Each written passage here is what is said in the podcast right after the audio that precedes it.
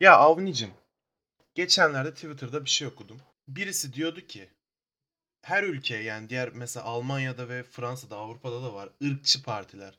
Sence ırkçı partiler diğer partileri dizginler mi? Ya şimdi Türkiye'ye baktığımızda Türkiye en başından ilk kurulduğu günden beri de hiçbir zaman teorilerin uymadığı bir ülke. Türkiye her zaman pratiktir. Hiçbir zaman teoride düşünülen hiçbir şey uymaz Türkiye'ye. Hiçbir uygulama teorideki sonuçları örgü teoride öngördüğün sonuçların hiçbiri e, karşına çıkmaz ve belki de tam tersi oluşur.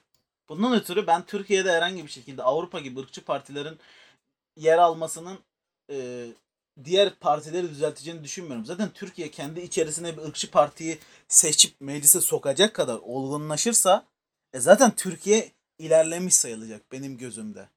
Kesinlikle. Onun dışında ilerlemiş sayılacak. Evet, Demokrasi, evet yani bir- demokratik anlamda ilerlemiş sayılacak. hem öyle hem de bir de şunu ortada şöyle bir yan var. Eğer ki millet bir ırkçı partiyi bile başa getiriyor, daha doğrusu seçebiliyorsa demek ki bir e, siyasi olgunlaşma geçirmiş. Çünkü Türkiye'de böyle bu tarz uçarı kaçarı şeyler genelde seçilmez. Yani Türkiye'de bunun bir örneği vardı işte. Ne oldu? 1960'larda Mehmet Ali Aybar'ın İşçi Partisi geldi. O da bir milletvekiliyle. Onu da mecliste dövdüler. Bayağı adam meclis sıralarının arasına saklandı. Tekmeyle dövdüler adamı. Yani Aa, bu şu şey olayı. eriştiği zaman. Neydi? 32. gün belgeselinde var. Evet, evet. Adam evet, gelip anlatıyordu şeyde. evet. Dövmüşler adamı. Yani orada mesela ilk izlediğimde şoka uğramıştım. Şeyde ilk ben Demir Kırat belgeselinde vardı sanırım. Şoka uğramıştım. Yok, Demiştim şeyde, ki Demir Kırat'ta değil. Ee, 12 şeyde. Mart'ta mı? 12 Mart'ta evet. Ya şeyden ben çok şaşırmıştım. Ya günümüzde zaten bunlara alıştık. Mecliste millet birbirini dövüyor. Mecliste bir şeyler yapılıyor falan. Orada mesela şoka uğramıştım. Bizim meclis hep böyleymiş. Adamlar çiğ köfte falan yapmış mecliste bir ara. Şey olmuyor diye işte ekonomi şeyi mi ne geçmemiş. Kimse işte Ee, bütçe. yeterli oy alamadığı bütçe. için e, bütçe oylaması geçmemiş. Millet çiğ köfte falan yapmış. Tavana fırlatıyormuş çiğ köfteleri. Yani bizim meclis hiçbir zaman bir tam olarak bir meclis olmamış ki yani. Ya, ya da kötü ya da biliyor musun? demokrasi dediğimiz şey tam olarak bu mu yoksa yani? Ya işin şöyle bir yanı var. Bizim meclisimizde adam vuruldu. Bildiğin mebus çıktı. Sen ne diyorsun lan dedi. Çekti tabancayı diğer mebusu vurdu. Meclis koridorunda.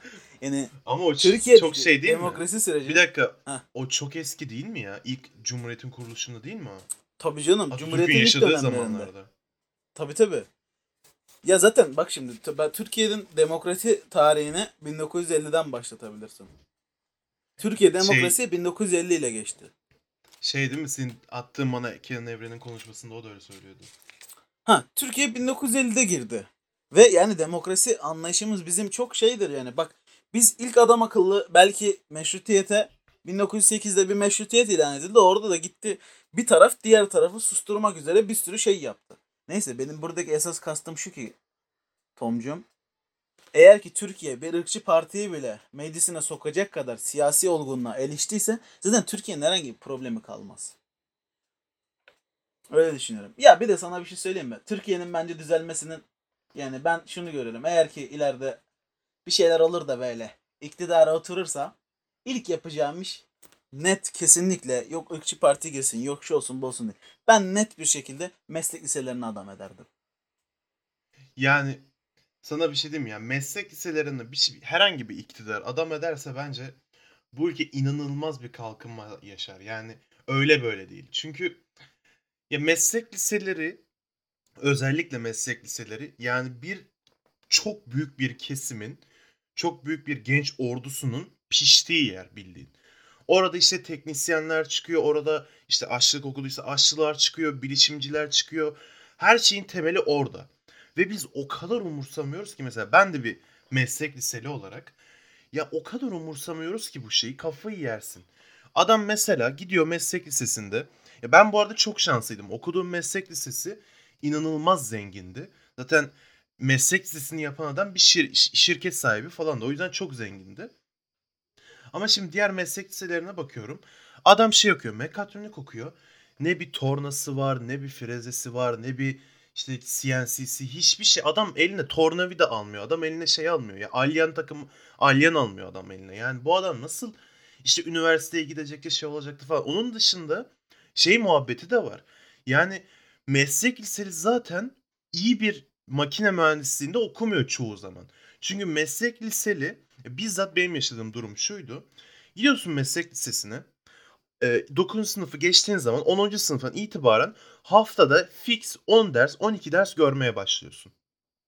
Zaten 12. sınıfta şey değilsen Anadolu meslek değilsen bütün sene işte 3 gün staj 2 gün okul şeklinde ilerliyorsun. Sen hangi ara üniversite sınavına çalışacaksın? Hangi ara şey olacaksın? Zaten eğitim çok kötü. Eğitim yerlerde zaten. Ya biz matematik görüyorduk. Temel matematik görüyorsun zaten. Ben ben Anadolu Teknik'te değildim. Normal düz meslekteydim. Ve biz asla şey görmedik. İleri AYT matematiği asla görmedik. Asla görmüyorsunuz zaten. Ya bu adam nasıl hazırlanacak üniversiteye, nasıl makine mühendisliğine gidecek? Hadi diyelim gitti. Bu adam hiçbir şey öğrenmemiş ki. Veya Anadolu Lisesi'nden gitti. Ya bu adam daha işin pratiğini bilmiyor, işin hiçbir şeyini bilmiyor. Makine mühendisliği üniversitesine gidiyor ODTÜ'ye ve işte başka bir örnek vereyim işte Celal Bayar'a gidiyor. E bu adam hiçbir şey öğrenmiyor ki orada. Adam geçmişte hiçbir şey öğrenmemiş. Mesela benim arkadaşım var bir tane. Aynı benim meslek lisesinde okuyan. Şu an Celal Bayar'da makine mühendisliğinde bir şey okuyor. Makine ile alakalı bir şey okuyor. Çocuğun bana dediği şey şuydu. Dedi ki kanka bizim okulda üniversitede yok hiçbir şey yok diyor. Ben lisede daha iyi eğitim gördüm diyor. Çünkü bizim lise avantajlıydı falan. Yani ama adam gibi bir sistem oturultu, oturtulsa şuna hakikaten inanılmaz şeyler çıkabilir ortaya yani. Peki bir şey soracağım. Hı. O zaman şunu diyebilir miyiz? Türkiye'de e, bilhassa bu teknik konularda bu mesleği bilen kişiler üniversite kazanamadığı için işsiz. Üniversite kazanıp da bu mesleği okuyanlar ise işi bilmediği için işsiz. Hem öyle hem şöyle. Yani evet aralarda öyleler de var. Mesela bizim okuldan örnek vereyim. Bizim okulda ya bir şeyi gördük. Tekrardan söyleyeyim avantajlı olduğumuz için. İşte tornayı da gördük, frezeyi de gördük, CNC'yi de gördük. Her şeyi gördük. Ve işte bizim okuldan adamları alsaydın ve şeye götürseydin bunları. İşte herhangi iyi bir makine mühendisi üniversitesine götürseydin o adamlar zaten pratiği biliyor olurdu. Yani geriye kalan tek şey teorik kısmını öğrenmek kalırdı. Yani teknik çizimli. Bu arada biz teknik çizim de gördük ama detaylı görmedik. Yani yüzeysel bir şekilde her şeyi öğrendik biz zaten. Her şeyi. Biz gitseydik makine mühendisliği üniversitesinde herhangi bir güzel 4 yıllık bizim orada öğrenmemiz gereken tek şey pratiği olurdu ve detayları olurdu bu işin. Matematiği olurdu. E çünkü üniversite dediğin yer akademik yerdir. Yani orada meslek okulu değil sonuçta. Orada işin artık bokunu çıkarman gerekiyor artık. Böyle içinden geçmen gerekiyor onu. Ama bizde böyle bir şey asla yok yani. Bizde üniversite yok, meslek okulları var. Onlar da bok gibi meslek okulları. Ya zaten bu arada beni geçtim diğer örnekleri vereyim. Meslek lisedekiler de hiçbir şey yapmıyor. Onlar da hiçbir eğitim almıyor. Ya gidiyor meslek lisesine. Eğitimi yok, hiçbir şey yok, bir şey bilmiyor, derslere katılmıyor. Hocalar zaten umursamıyor. Yani meslek lisesinde kalma en azından benim gördüğüm çevremde kadar çok zordur. Çünkü hocalar artık sıkılmış. Her türlü maaşımı alıyor diyor. Kopya zaten gırla. Geçirirler yani. Direkt hiç şey yapmadan geçirirler. Hiç umursamazlar. Ya adam akıllı bir sistem yok ülkede.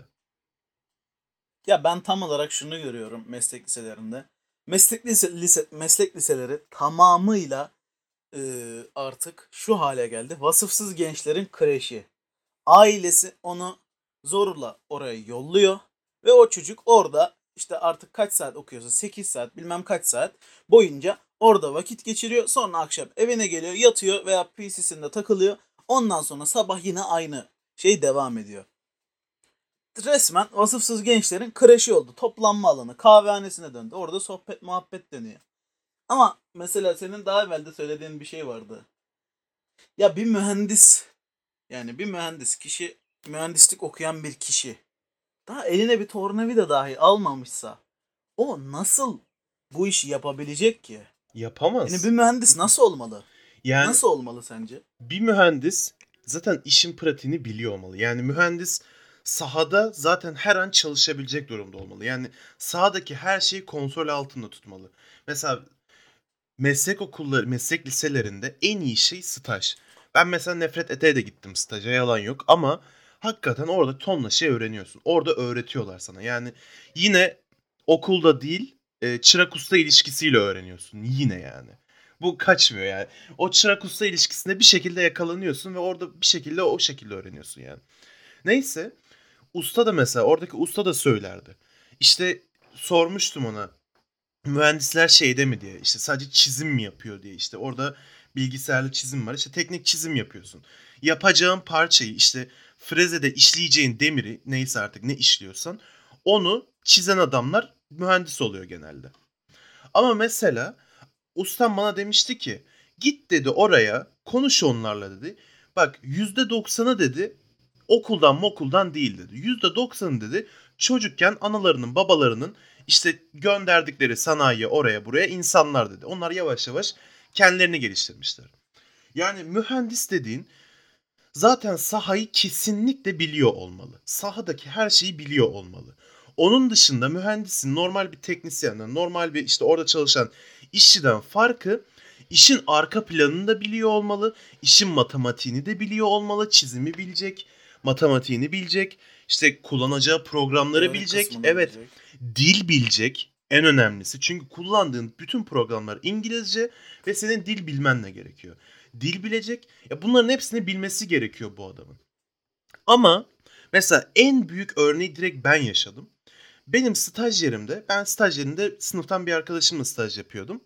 X kişisi işte. O arkadaşımla çalışırken bizim yanımıza bir adet üniversite stajyeri geldi. Nerede okuyordu hatırlamıyorum. Sanırım Sakarya'da mı bir yerde okuyordu işte. Bursa'da mı Sakarya'da mı ne? Adam elektrik okuyor adam.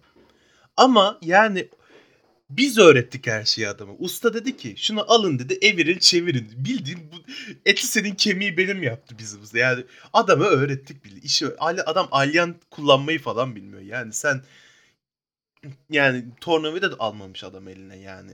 Bu adam nasıl elektrikçi olacak? Elektrikçi dediğin nasıl yetişir biliyor musun? Yani lisede bir tane meslek lisesine gidecek o çocuk. Zaten şey olması lazım fazlasıyla bence şu an evet şu an teşvik var mesela meslek lisesinden işte üniversitede makine okuyacak birisi atıyorum mekatronik okudu meslek lisesinde üniversitede mekatronik veya makine mühendisliği falan okuyacaksa teşvik veriyor. İşte puan falan veriyor öz, şey işte ÖSYM. Ama yetmez. Çünkü çok düşük bunlar. Neyse o çocuk şu şekilde eğitilir. Çocuk girer meslek lisesine, mekatroniğe ve elektriğe tamam mı? Orada öğrenir. Evet. Orada şunu yapar çocuk. Hocası gelir tahtaya bir tane devre şeması çizer. Onu pratikte yapmaya çalışır. Gerçekte yapar onu. İşte dirençlerini kendi takar, ampulünü kendi takar. Her şeyini takar. Sonra onları kabloları lehimler. Bu şekilde yavaş yavaş öğrenir. Bir de bunun dışında teneffüs aralarında onların şey yapması lazım yani.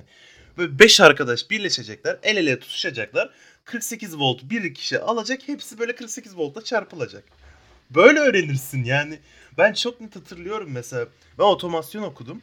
Yani ben hem elektrik hem makin mekatronik hem de bilişim gördüm. Yazılım. Bilgisayarlı programcılık gördüm. Ve mesela çok çok net hatırlıyorum. Bizim bir tane hoca vardı tamam mı? Bu hoca Y hocası işte. İşte e, çok kral hocaydı. Çok severdik. Sınıfa bir gün girdi hoca. Tamam mı? Açtı böyle çekmeli bir sürgülü kapı vardı. Girdi böyle laboratuvar gibi ortama. Böyle bir şey yaptı.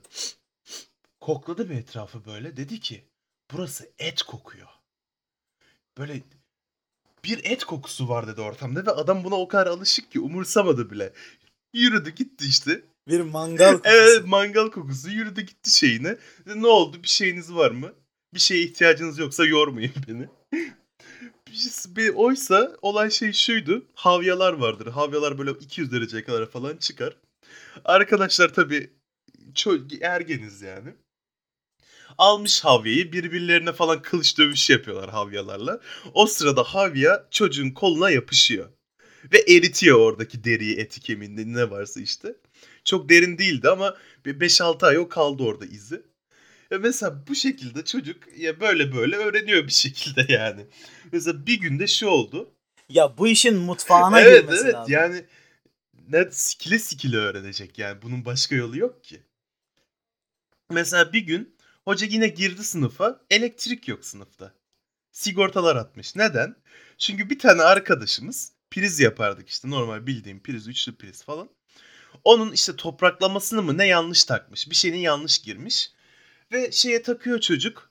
Hiç umursamadan. İşte şarj aletini takıyor telefonunun. İşte onu bir takıyor bam diye patlıyor. Tüm sigortalar atıyor falan. Sonra hoca geldi iki bağırdı çağırdı sonra yoluna devam etti. Yani böyle öğreniyorsun. Mesela o çocuk o patlatmayı yapan çocuk şu an İzmir'de gıda çarşısında, çarşısında mı ne çalışıyor. Ve iyi de bir maaş alıyordu. 3-3,5. Ya iyi değil de yani. Hadi. 3-3,5 arası alıyor. Lise mezununa göre iyi diyelim. Yani normalde tabii ki tek başına yani. geçinemez şu ekonomik durumda. Ya bir, bir A101 kasiyerine nazaran. Yani.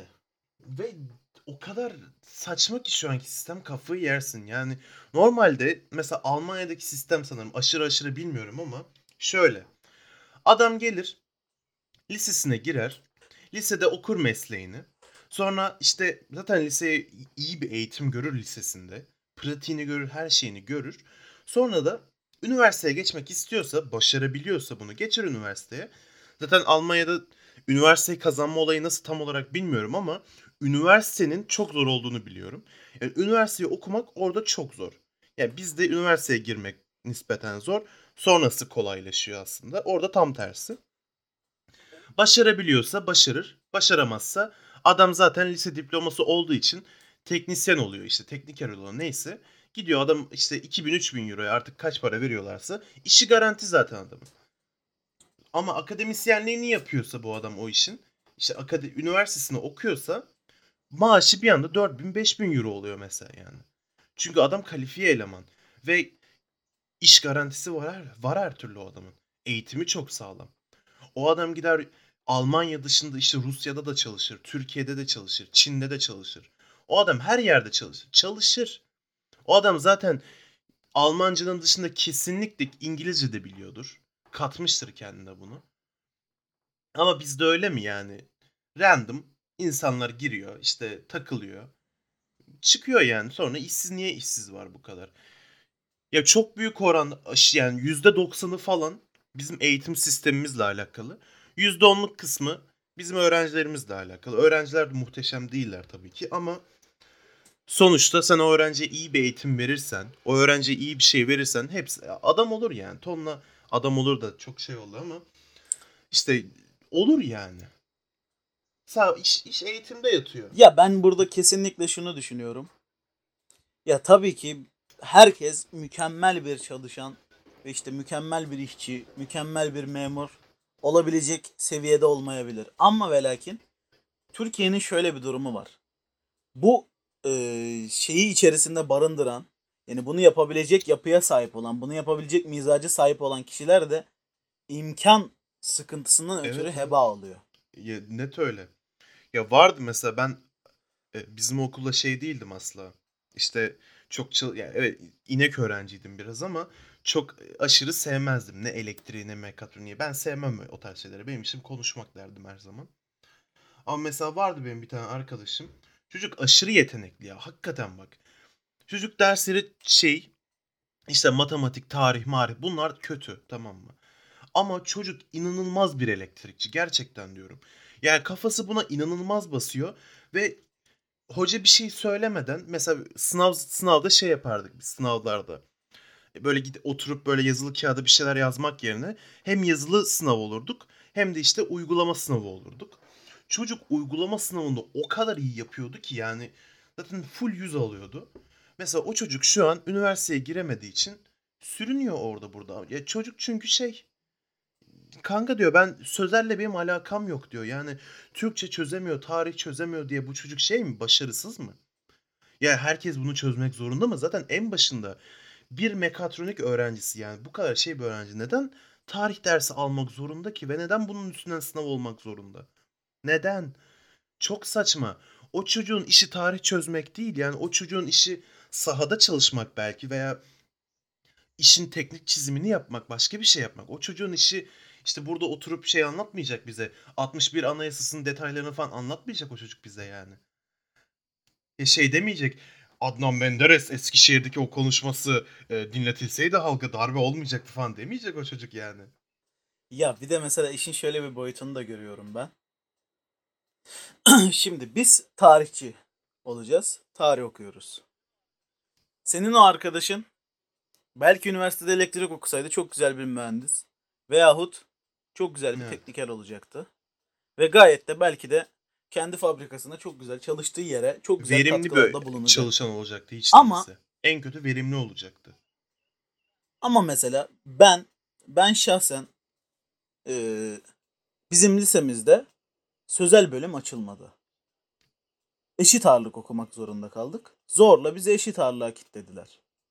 Benim çoğu eee, sözel kafası çalışan veya sözele birazcık daha eğilimli olan arkadaşlarım da ailesinin zoruyla sayısal okumaya mecbur oldu. Burada iki kayıp oldu. Bir, mesela sözel bölüm okuyan bir kişi benden daha yüksek bir ortalamayla mezun oldu. Ve bunun kendi sınav sonuç neticesinde diploma notunun da etkisiyle belki de benden daha güzel bir yere gitti. Tek sebebi beni okul eşit ağırlık okumaya mecbur bıraktı. Ve ben de herhangi bir şekilde sayısal derslere benim kafam basmıyordu. Ben 9'da 10'da kimya ile biyoloji yapabilirdim. Ama fizikle matematiğim benim berbattı. Giriyordum derse, giriyordum sınava. Soruların aynısını yazıyordum. Hocaya veriyordum. Hoca bana kafadan 10 puanımı veriyordu. Allah razı olsun. Oturuyordum kitabıma bakıyordum. Şimdi benim buradan bir kaybım oldu. Diğer çocuk ise ailesinin zoruyla ailesi ona dedi ki sen mühendis olacaksın. Sen şu olacaksın. Sen bu olacaksın. E, çocuk ona olabilecek bir çocuk mu? Bu bir. İkincisi o çocuk da bundan ötürü sırf bu aile zorlamasından ötürü hiçbir baltaya sap olamadı. Ve yani bunu çok kasiyer arkadaşlarımızı da hor görmeyelim ama belki de çocuk bir edebiyat öğretmeni olacaktı. Belki bir ilkokulda Türkçe, ortaokulda Türkçe öğretmeni olacakken şu anda o çocuk bu şansından ötürü A101 kasiyerliği yapıyor. Yani sırf ailesinin bu şeyinden ötürü. İkincisi de mesela sana şunu söyleyeyim. Ya yani bizde herkes farklı farklı şeylerden ortak bir şekilde sorumlu olduğu için herkes farklı alanlara yönelmiş. Ama ve lakin AYT sınavında, TYT sınavında, bilhassa TYT sınavında zaten hiçbir değişiklik yok. Herkes 9. 10. sınıf matematiğini çözmek zorunda. Orada o feni yapmak zorunda. E ne oldu? Puanı düştü bu adamın. Ne yapacak bu adam? Bu adamın o işi değil ki. TYT sınavında hepsi aynısından sorumlu. Ben bir tarihçi olmak isteyen biri olarak TYT sınavında fen çözmek zorundayım. Matematik çözmek zorundayım. Bu benim puanımı düşürüyor. Eğer ki bir mühendisse adamın senin arkadaşın gibi Türkçe'ye, sosyale kafası basmıyorsa bu adam Türkçe sosyal çözerek yine puanını azaltıyor. Çözemeyerek daha doğrusu. E bunlardan sorumlu tutuluyor. Tamam her insanın belirli bir miktar, her insanın belirli bir miktar tarih bilgisi, belirli bir miktar Türkçe bilgisi, belirli bir miktar matematik E bilgisi. onları da ilkokulda ve ortaokulda almıyor muyuz Doğru. zaten yani? Ama benim merak ettiğim nokta şu. Agacım ben neden iki bilinmeyenli denkleme bu benim hayatımda ileride iki bilinmeyenli denklemi ben nerede çözeceğim? Bu çok genel bir sorudur. Bu matematikte gördüklerimiz Yani bir matematikçi olmayacaksın veya Da- bir yani onunla ilgili tamam, bir şey ben yapmayacaksın. dört işten- Tarihçi olacaksın. işine yaramayacak. Tarihçisin sen. Ya iki bilinmeyenli denklemi ben hayatımın bak bitti lise. Hatta 10-11'den sonra artık tamamen benim için matematik bitti. Ve ömrümün geri kalan hiçbir yerinde iki bilinmeyenli denklemi daha şu anda kaç sene oldu söylemeyeyim ama yani daha hiç lazım olmadı. İleride de ne kadar lazım olacak bilmiyorum iki bilinmeyenli denklemleri çözmek. Ondan sonra permütasyon, kombinasyon bilmem ne. Hiç yani ben orada oturdum kitap okudum sadece. O ders oydu benim için. Arkadaşımla goy goy yaptım sırada. En arkaya yani Ben onun yerine daha fazla Türkçe görseydim, daha fazla tarih görseydim bu Ve benim daha çok yararım çok olacaktı. fazla şey var hepsinin dışında. Çok fazla heba olan insan var.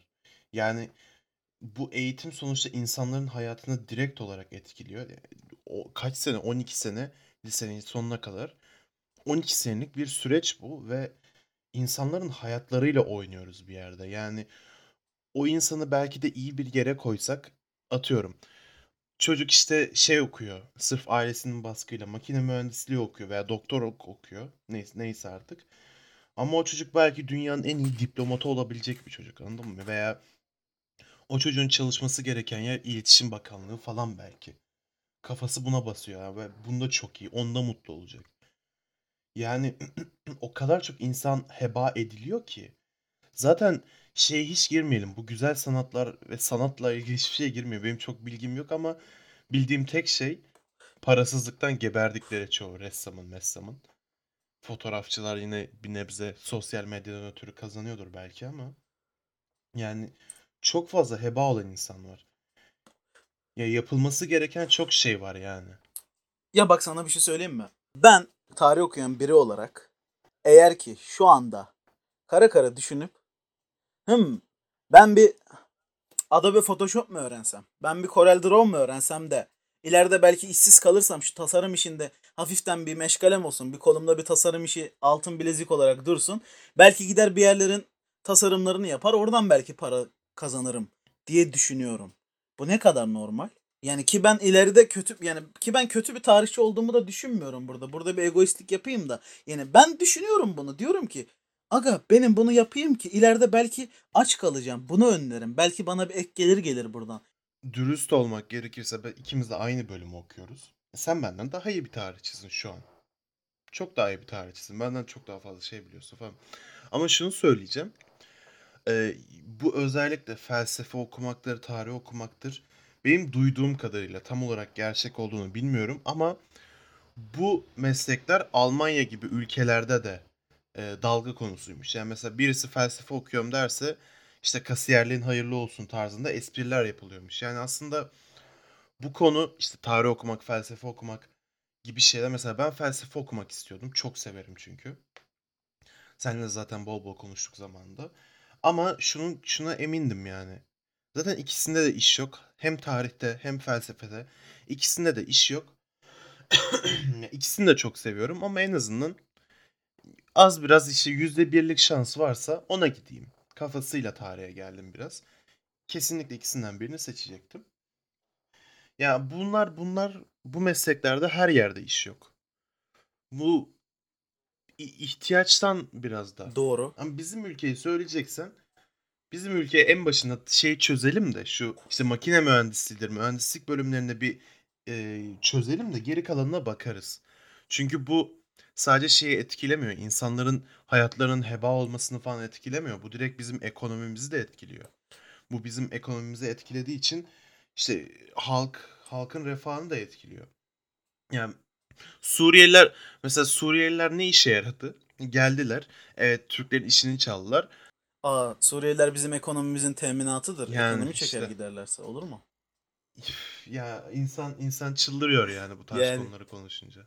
Ya mesela sana ben şunu söyleyeyim. Ben şahsen tarih okuyan biri olarak gidip de mesela bir müzede çalışmak isteyebilirim. Veyahut ben mesela kültür ateşisi olmayı çok isterdim.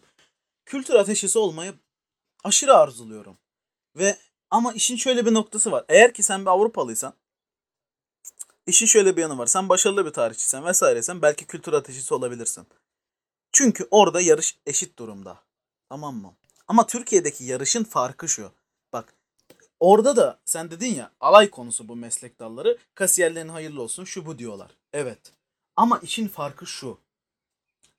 Tarihi bölümüne veyahut daha farklı bir tanıdığımız var. İkimizin de müşterek bir tanıdığı. Adam uluslararası ilişkiler okumuş yüksek lisansını yapıyor. Ve okuduğu üniversitede bir kadro açılıyor. Diyorlar ki asistan alacağız. Bir sürü insan başvuruyor ve oraya asistan siyasal bilgiler okuyan kişiden alınıyor. Uluslararası ilişkiler bölümünün asistanı siyasal bilgiler okuyan kişi alınıyor orada. Yani bu iş bu noktaya geldikten sonra ben kültür ateşisi olmak için yeterli seviyede bir e, akademik eğitim almam aranmıyor. Aldıktan sonra yeterli bir işte puan mı elde edeceksin? İşte Dışişleri Bakanlığı'nda bir şeyler mi yapacaksın? O vesaire değil. Yapılacak olan uygulama o değil. Yapılacak olan uygulama şu. Sen mühim birinin oğlusundur. Veyahut bir diplomat olacağın zaman gidersin bir eski bir bakansındır. Ondan sonra bir anda bir yerde bakara makara diye bir ayetle alay edersin. Ondan sonra çat hemen bir yerde büyükelçi olursun. Hayatına devam edersin. En azından Almanya gibi ülkede işte o tarz yani Almanya örneğini veriyor sürekli ama en az, az çok bildiğim yer olduğu için. Yani o tarz ülkelerde en azından şu konuda şey oluyorsun. Diyorsun ki atıyorum ben orada okuya, felsefe okuyan bir öğrenci olsam şunu derim en azından. Hakkım yenmedi. Ya bunu bu benim gönlümü rahatlatır. Benim hakkım asla yenmeyecek bu ülkede dersin. Ama burada ya inanılmaz başarılı olsam bile hakkın yenme ihtimali çok çok yüksek. Özellikle böyle akademisyen olmak istiyorsan, özellikle işte devletin kurumunda çalışmak istiyorsan Tabii canım. yani bu inanılmaz bir baskı aslında. Psikolojik bir baskı da oluyor. Ya onun şu özellikle 5 senedir falan hem ekonomiden dolayı hem hukuktan dolayı hem ülkede olan kaostan dolayı insanlar hakikaten depresif o hale gelmeye başladı. Ya böyle artık çıldırdık lan yani. Ya ben bunun bir Nerede noktasını nerede gördüm biliyor musun? Bu depresifliğine çok güzel bir örnek. Agacım bakarsan böyle bu Tanzimat dönemi edebiyatının sonları böyle. O dönem böyle 1800 işte e, 60'lardan 70'lerden böyle 1920'lere kadarki süreçte yazılan bütün eserler neredeyse hepsi depresif.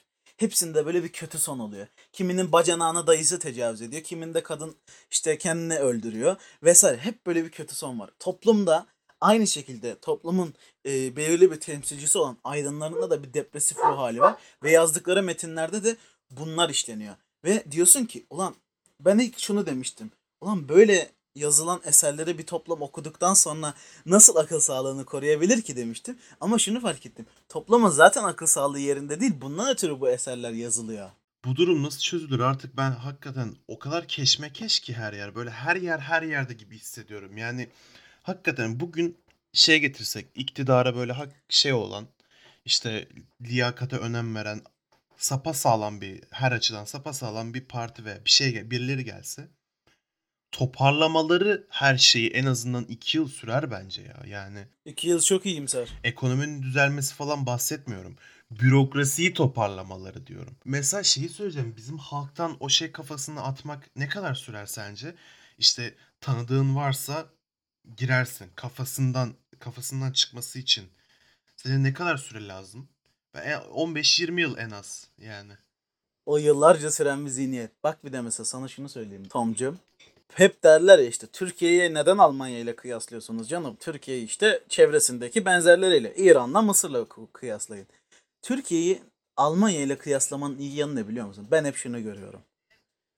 Almanya Türkiye'nin eğer ki Türkiye gereken şeyleri zamanında yapsaydı olacağı hali. Yani Almanya şu anda Türkiye'nin iyi senaryosu.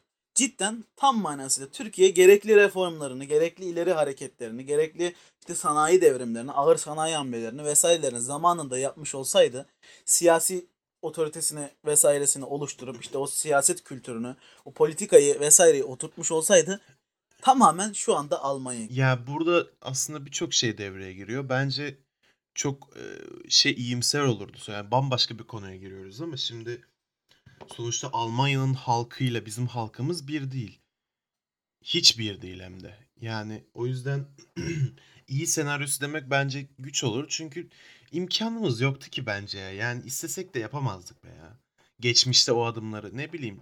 Hiç atılacak gibi durmuyor çünkü az çok bakınca sanmıyorum o sanayi şeyini yapamazdık ya. Ee, şimdi e, fakirlikten kırılıyorduk doğru. Fakirlikten kırılıyorduk. Ama bak sana ne diyorum fakirlikten kırılmadığımız zamanlarda zaten Almanya'da kendinin fakirlikten kırılmadığı zamanlarda o hamlesini yaptı.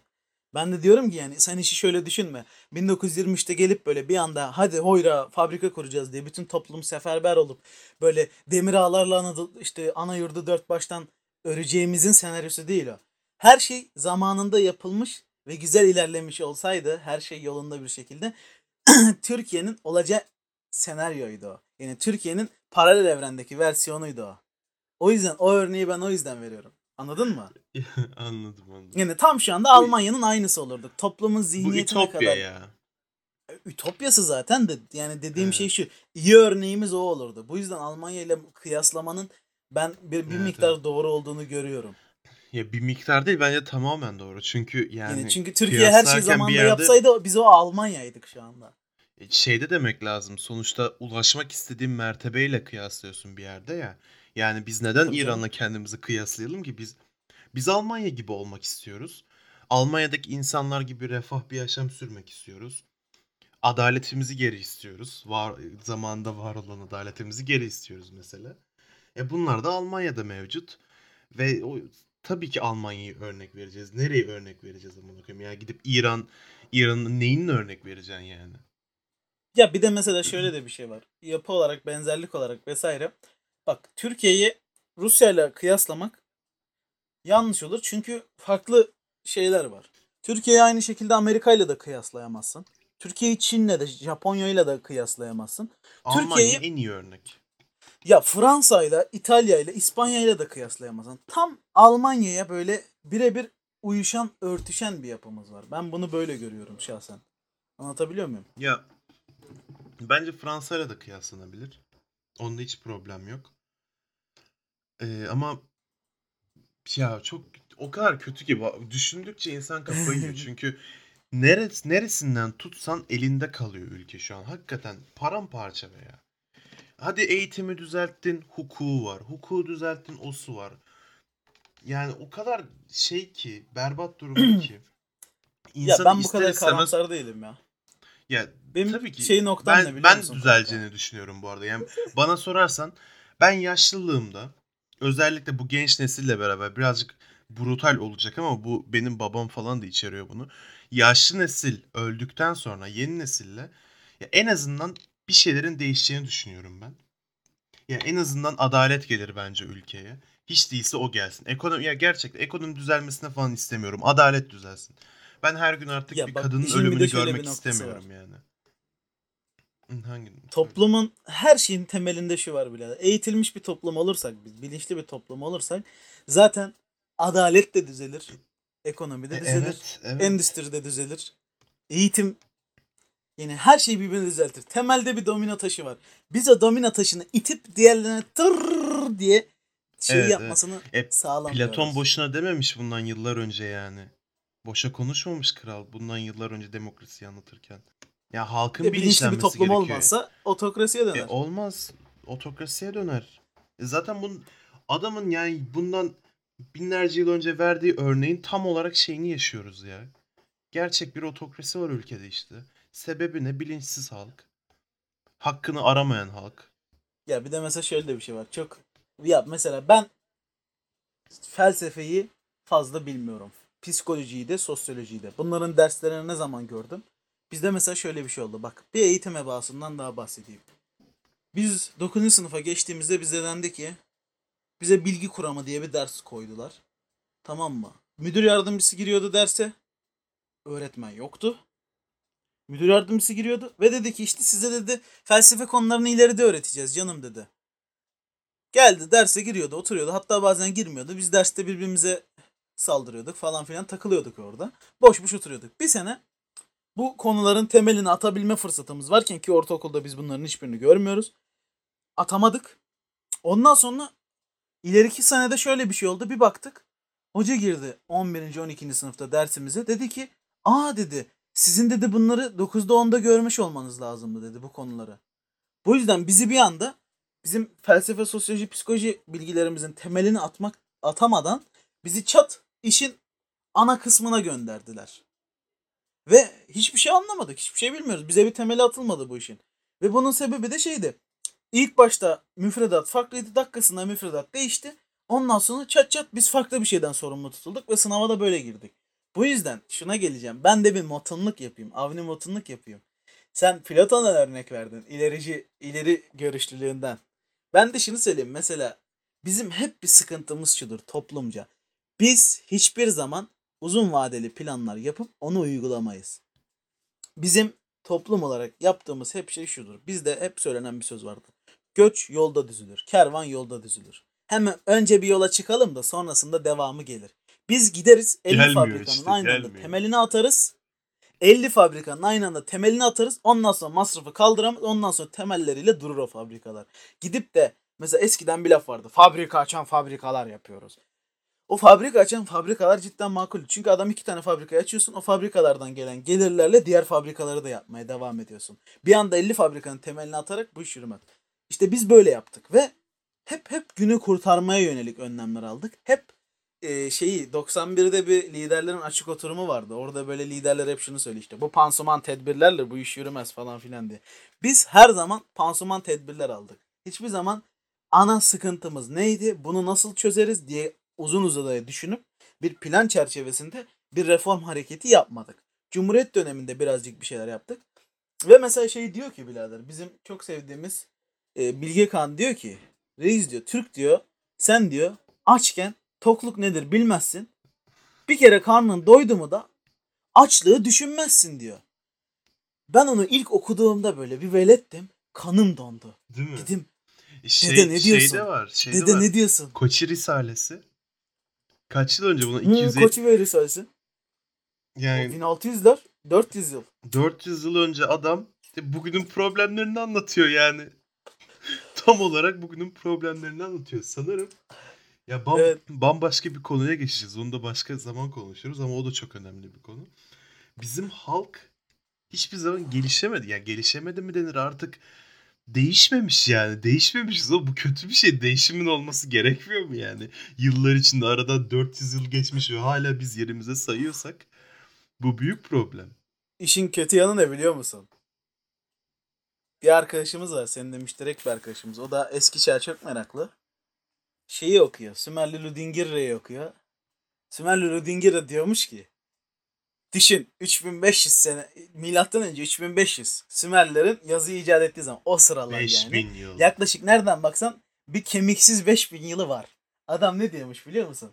Bu toplum çok bozuldu. Gençler artık eskisi gibi davranmıyor. Farklı şeyler yapmaya başladılar.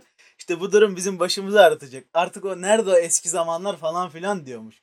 Yani düşün Sümerli Ludingir'e 5000 yıl önce artık eskisi kadar iyi değiliz. Artık eskisi kadar şey değil. Toplumda sorunlar oluşuyor falan filan diyor bu dayı yani. Yani bu da şuna getiriyor. Yani bu hep olan bir şey. Bu da şuna getiriyor. Biz de ins- direkt insanlar olarak. Hadi Sümerleri Ya canım Sümerleri de Türk- Sü- şey, Sümerleri de Türk deyip hop dedelerimiz de hop hop oraya getirelim. Hop E, tamam onlar da dedelerimiz diyelim hadi şey olmasın. Kırılmasın. bak bak hemen Ludingir'den Koçi Bey'e kadar Koçi Bey'den de bize kadar konuşulan her şey neredeyse aynı diyelim.